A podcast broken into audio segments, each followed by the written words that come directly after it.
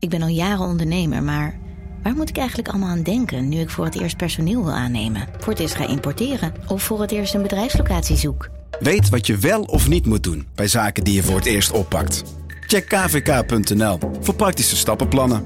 KVK, hou vast voor ondernemers. Al 125 jaar kwaliteit voor jou thuis met Miele. Dat vieren we met jou. Ontvang nu tijdelijk een cashback tot 125 euro op veel Miele-apparatuur. Geniet van de kwaliteit van Miele. Voor perfect verzorgd wasgoed en kleding die veel langer mooi blijft. Voor een stralend schone vaat, even perfect als jouw diners. En een stofvrij thuis waarin echt hygiënisch schoon de standaard is. Check miele.nl voor alle feestelijke aanbiedingen. Vanaf de redactie van NRC het verhaal van vandaag. Mijn naam is Thomas Ruip.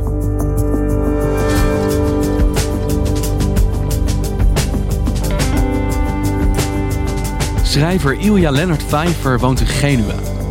Toen de intensive cares overvol raakten, mensen stierven op brancards en begrafenissen werden verboden, begon hij te doen wat hij het beste doet: schrijven. Geen fictie ditmaal, maar een ooggetuigenverslag. De rauwe werkelijkheid van de stad. Vandaag verschijnt zijn 95ste en laatste verslag in NRC. Hoe kijkt hij terug?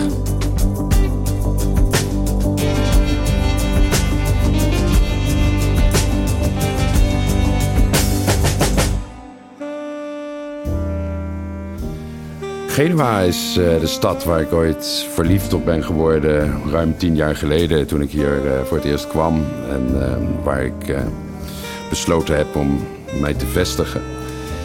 En een van de meest aantrekkelijke dingen van Genua en van, van het leven in Italië in het algemeen is dat het leven zich buiten afspeelt. Het historisch centrum van Genua, waar ik woon, is een uitgestrekt middeleeuws labyrint van smalle steegjes waar eh, allerlei verschillende soorten mensen dwars door elkaar wonen. En uh, ik hoefde niet naar het theater. Het was genoeg om de deur uit te gaan en de straat op te gaan om uh, de opera mee te maken. En hoe navigeerde jij door dat labyrint? De kunst is, als je in Genua bent, om te verdwalen. En in het begin deed ik dat met grote gretigheid. Maar eh, dat lukt me helaas niet meer. Dat is het, eh, het enige jammere dat ik de stad nu zo goed ken, is dat ik niet meer kan verdwalen. ja, ik houd er ook van om buiten te werken. Dus ik zat vaak eh, om tafeltjes met een kopje koffie. Terwijl eh, mensen die voorbij lopen voor de nodige afleiding en inspiratie zorgen. En, meestal deed ik uh, de dag mee met, uh, met mijn vriendin Stella. Ik ging haar uh, s ochtends naar haar werk brengen. En dan begon ook mijn werkdag. Dan ging ik ergens zitten schrijven. Tot haar lunchpauze en dan ging ik haar ophalen. En dan smiddags ging ik weer werken. En dan s'avonds ging ik haar ophalen voor het diner. En daarna gingen we dansen. Hoe ziet het Genua van de lockdown eruit? Of hoe zag het eruit op het hoogtepunt van de lockdown? De stad was uitgestorven. Het gebeurde dat ik midden in het centrum helemaal niemand tegenkwam. Ik hoorde ook geluiden die je normaal gesproken nooit hoort in het centrum, zoals het hele zachte piepen van de alarminstallatie van de rolluiken. Dat soort spookachtige geluiden. Een stad waar het leven zich buiten hoorde af te spelen, was iedereen ineens binnen. Ja, ja, dat was schokkend. Genua 11 maart 2020. Op het uur van het apparatief lag Piazza delle Erbe er post-apocalyptisch bij. De rolluiken van alle bars waren gesloten. De terrastafeltjes lagen als dode insecten op hun rug. De gesloten parasols bungelden aan hun ophanging als lijkzakken. En waar komt het idee vandaan om een column te gaan schrijven, om jouw leven vast te leggen tijdens de lockdown in Italië? Dat idee komt eigenlijk van Stella. Zoals alle goede ideeën altijd van Stella komen. en het idee was eigenlijk tweeledig toen ik eraan begon. Ik vond het nodig om uh, Mijn landgenoten, mijn uh, vrolijke, nonchalante landgenoten, die het virus uh, aan het bagatelliseren waren, te informeren over wat er in Italië aan het gebeuren was. En iets anders was dat ik besefte dat het zo'n ongebruikelijke periode zou gaan worden. Zo'n bizarre situatie. Het gebeurt uh, niet zo vaak dat je een totale lockdown meemaakt. Dus uh, ik, ik wou dat ook documenteren. Genua, 9 maart 2020. Elke dag om 6 uur ontvangt mijn vriendin Stella het virusbulletin met de nieuwe cijfers. Eerst werd dat twee keer per dag uitgegeven, maar het bulletin van 12 uur is geschrapt om paniek te voorkomen. Zondag waren er in Italië op één dag 133 mensen overleden aan het virus. Een paar dagen geleden was ik nog onder de indruk als er 100 nieuwe besmettingen werden gerapporteerd, zei ze. Nu zijn het er al meer dan duizend. Stella's zus, die radiologe is in het ziekenhuis van San Martino, stuurt horrorberichten van het front. Er is tekort aan alles. Haar collega's in Lombardije zijn wanhopig. Wegens een tekort aan bedden en beademingsapparaten moet er besloten worden wie voorrang krijgt en wie ze helaas bij gebrek aan middelen en mankracht moeten laten sterven. Stella en ik gingen op zoek naar een ontsmettingsmiddel, maar het was in alle apotheken uitverkocht. En wat gebeurde er nadat jij deze eerste column had geplaatst? Wat maakte dat los? Gelijk al vanaf het begin uh, was ik prettig verbaasd door de hoeveelheid reacties. Het, het heeft wel heel veel reacties opgeroepen, deze column. Het gaf mij bijna een gevoel dat erg zeldzaam is voor een schrijver. Dat ik uh, voor, een, voor zolang het duurde relevantie had. Dat is zeldzaam? Zeer zeldzaam. en wat was dat voor relevantie? De situatie in Italië was wel een waarschuwing, was wel een wake-up call voor, voor veel mensen. Want wat zag jij om je heen gebeuren in die eerste dagen waarvan je dacht, ja, dit moet Nederland weten? Ze hebben geen idee daar. Mensen gingen dood. En mensen gingen dood op brancards in de gangen van ziekenhuizen, omdat er tekort was aan eh, beademingsapparatuur en personeel. Men, artsen moesten beslissen wie ze nog wel konden behandelen en niet. En wij zelf hadden in het begin van de epidemie vrij snel uh, ook al een slachtoffer te betreuren in de familie. Een zwager van mijn zwager en de familie van Stella werd uh, opgenomen in het ziekenhuis en heeft het niet gered. Het, uh, het tragische eraan was niet alleen dat, maar ook nog dat, dat zijn vrouw, de kerstverse weduwe, de zus van mijn zwager, die was uiteraard ook besmet. Want ze had met die man in huis gewoond. En uh, zij kon hem ook niet meer opzoeken. Uh, ze werd niet meer toegelaten. Ze heeft geen afscheid van hem kunnen nemen. Uh, ze kon hem ook niet begraven. En ze moest vervolgens ook gedwongen in strenge quarantaine. Dus heeft in totale isolatie, afzondering en eenzaamheid de dood van haar echtgenoot moeten verwerken een onmogelijk pijnlijk afscheid om dat op zo'n manier te moeten doen. Ja, dat, dat is vreselijk. Genua 12 maart 2020. Mijn dwingende noodzaak was tabak hamsteren en sigaretten voor Stella's moeder, die al ruim een week het huis niet uit is geweest. De sigaretten zou ik achterlaten op de overloop voor haar voordeur. Ik bond een mondkapje voor en bereidde mij mentaal voor op de expeditie.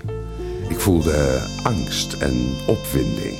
Als een astronaut in een science fiction film die zich laat overstralen naar een onbekende planeet met een giftige atmosfeer. Dit was mijn uitje van de dag. Dit was mijn avontuur. Maar ook ik wilde het niet langer rekken dan strikt noodzakelijk. De angst werd een gewoonte en de gewoonte een depressie. Ik heb razendsnel een routine ontwikkeld om op vele meters afstand te blijven van mijn stadsgenoten. Maar ik heug mij de pleintjes in de zon, de volbloed koffie en de dansende gesprekjes. Dit grauwe bestaan is een schimmige en onwaardige afspiegeling van dat kleurrijke leven dat steeds meer begint te lijken op een lang vervlogen herinnering. Niet leven is moeilijk. En dan heb je de uitdaging om verslag te doen van stilstand, van leegte. Ja, en dat is niet makkelijk. Het, uh, het was eigenlijk een heel paradoxale taak die ik had om een, uh, om een dagboek bij te houden over een periode waarin er eigenlijk niks gebeurde. Dus hoe verhoudt die verslaggever zich dan tot de schrijver? De verslaggever eh, had één beperking die de schrijver zichzelf niet hoeft op te leggen. Ik had de beperking dat ik niks mocht verzinnen. Genua, 4 april 2020. Toen ik vanochtend naar buiten ging om verse focaccia te kopen voor Stella, trof ik Jene aan, de eigenaar van Café Latino onder ons huis. Hij stond hoofdschuddend geleund op het hekje voor zijn gesloten bar. Dit had niemand zich ooit kunnen voorstellen, zuchtte hij. Ik kon van zijn gezicht lezen waaraan hij dacht. Hij dacht aan een lang vervlogen era toen Café Latino een van de drukste terrassen had in het hart van het Genuese uitgaansleven op Piazza delle Erbe. Op vrijdag en zaterdagavond waren de cocktails niet aan te slepen geweest. Als dit nog een paar weken langer duurt, zei hij, dan ben ik failliet. Ik mompelde iets over staatssteun, maar het lukte mij niet erg overtuigend over te komen. Ja, bij jullie daar in Nederland misschien. De Italiaanse staat is zelf failliet. Dit zou een moment zijn waarop Europa zou kunnen laten zien dat het meer is dan een vrijhandelszone voor multinationals. Maar iedereen in Europa denkt alleen aan zichzelf. Als jouw Nederlandse vrienden straks in de zomer nog een cappuccino willen drinken op een idyllisch pleintje, moet er nu wel iets gebeuren. Anders is er straks geen Italië meer. Geen Italië meer. Heeft daar in Genua het gevoel geheerst: wij zijn in de steek gelaten, wij worden niet gezien wat hier gebeurt? Ja, dat gevoel overheerst. Mensen zijn boos op Nederland. Ik ben er ook een keer uh, op aangesproken. Nou, aangesproken is een eufemisme. Ik ben een keer uitgescholden op straat vanwege het feit dat ik Nederlander ben. En mensen kennen de naam Wopke Hoekstra. In Genua op straat weet men wie Wopke Hoekstra is. Ja. En dat is niet omdat ze hem zo aardig vinden. Nee. En wat zeiden ze tegen jou? Er was een man die, uh, ik kende hem niet. Uh, hij begon, hij, wist kennelijk dat ik Nederlander ben. En hij begon uh, tegen mij uit te varen. Te zeggen dat ik mijn landgenoten moest vertellen dat ze over de brug moesten komen. Omdat het anders zouden ze niet meer welkom zijn in Italië. kijk, die man is kennelijk geen lezer van mij. Want hij wist niet dat ik aan zijn kant stond. Ik probeerde het hem uit te leggen, maar hij wilde niet luisteren. Dus nou, toen had verder het gesprek weinig zin. En toen was jij dus ineens ook niet alleen vertegenwoordiger van de Italiaanse situatie voor Nederland, maar was je nu ook een vertegenwoordiger van het Nederlandse beleid in Italië? Ja, zo gaat het dan, ja. En wanneer begon je in Genua weer iets te merken van hoop? Wanneer was dat moment dat er misschien weer licht door de wolken begon te breken? Uh, wat lastig was, was uh, dat de lockdown telkens werd verlengd. Uh, in eerste instantie was het tot, uh, tot 13 april. Toen werd het nog een keer verlengd en toen nog een keer verlengd. Het is alsof je je huisarrest aan het uitzitten bent en uh, je leeft toe met streepjes op de muur van je cel naar de dag van je vrijlating.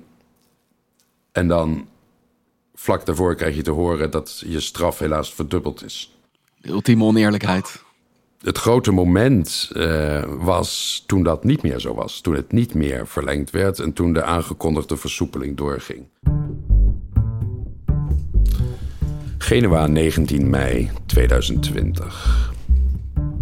Er stonden tafeltjes buiten op Piazza delle Erbe. Aan de tafeltjes zaten echte mensen, echte koffie te drinken. Ik hoorde het getik van lepeltjes in kopjes.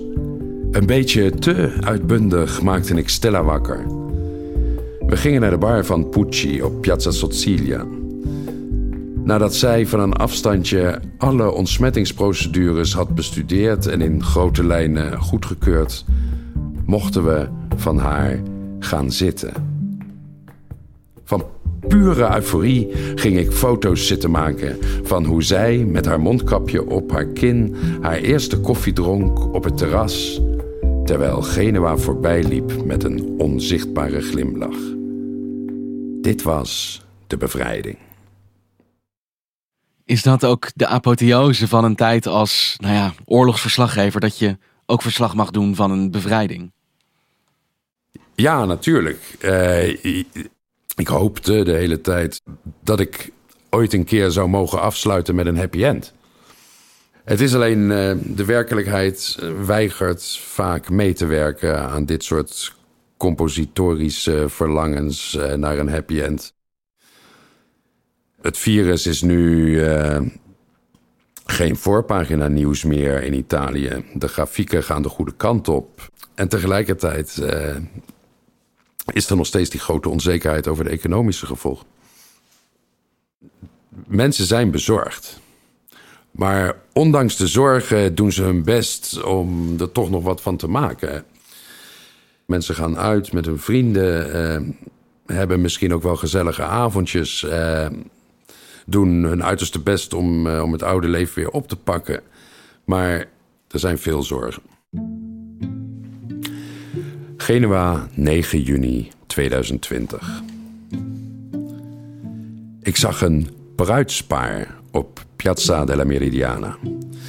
Ze kwamen net uit de trouwzaal in Palazzo Tursi. Hij droeg een masker van koningsblauwe zijde dat smaakvol kleurde bij zijn pak. Zij een beeldig sneeuwwit mondkapje van kant. Ze heette Marta Traverso en Alberto Muratore. Las ik de volgende dag in Il Secolo XIX. Ze hadden de krant gehaald, want het was de eerste bruiloft sinds de quarantaine. Bij het artikel stond een foto afgedrukt van hun gemaskerde zoen. De waanzin verschuilt zich achter het momaanzicht van normaliteit. En Ilja, je hebt nu meer dan 90 columns geschreven. En vandaag verschijnt jouw laatste in de krant. Hoe voelt het om dit af te sluiten? Ik sluit nu af omdat we een moment hebben bereikt waarop uh, het verhaal over het virus in Italië, godzijdank, niet meer spectaculair is. Er is godzijdank uh, niet meer zoveel te vertellen. In zekere zin had ik het liever veel eerder afgesloten, natuurlijk. Want gaat dit virus en wat jij hebt gezien daar een permanente invloed hebben op jouw schrijverschap, denk jij? Ik denk dat het uh, ook in mijn oeuvre nog wel zal leiden tot een tweede golf. Denk dat ik het virus maar in, uh, in fictionele vorm, in, in abstracte vorm, in, in, in, een verzonnen verhaal ooit nog wel eens een keer uh, laat terugkomen in een roman. Genua, 22 mei 2020. Schoorvoetend probeer ik mijn vrijheid te accepteren. Maar ik zie duizenden situaties waarvan ik zou smullen als ik het virus was. En tegelijkertijd bekruipt mij de vrees dat precies dat het werkelijke probleem is. Dat mijn kijk op de dingen besmet is geraakt en dat ik ben gaan denken als het virus. Op Piazza della Erbe, die als kloppend hart van de vroegere Movida onder een vergrootglas ligt, worden alle angstige regels met vermoeiende precisie nageleefd. Althans overdag en tot op een zeker uur in de avond, wanneer de drank te veel dingen vloeibaar maakt. Maar Stella en ik waren gisteravond op Piazza Lavagna in de ontembare Maddalena. En daar leken zorgen over eventueel besmettingsgevaar te worden beschouwd als een lachwekkende herinnering aan paranoïde waanzin uit een ver verleden. Uitgelaten groepen vrienden zaten luidruchtig opeengepakt. Er werden handen geschud en er werd gezoend. We vroegen ons af wie anachronistisch waren. Zij, die naïeve en zorgeloze tijden deden herleven, of wij, die de quarantaine nog niet van ons af hadden geschud. Dankjewel voor je tijd, Julia. Jij bedankt.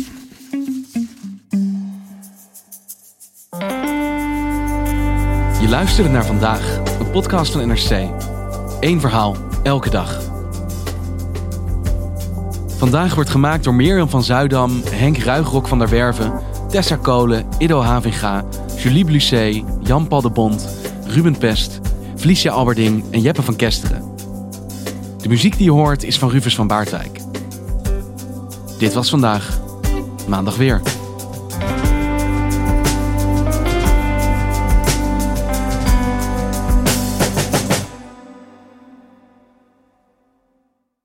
Technologie lijkt tegenwoordig het antwoord op iedere uitdaging. Bij PwC zien we dit anders. Als we de potentie van technologie willen benutten, kunnen we niet zonder een menselijk perspectief. Human-led, tech-powered noemen we dat. Ga naar pwc.nl.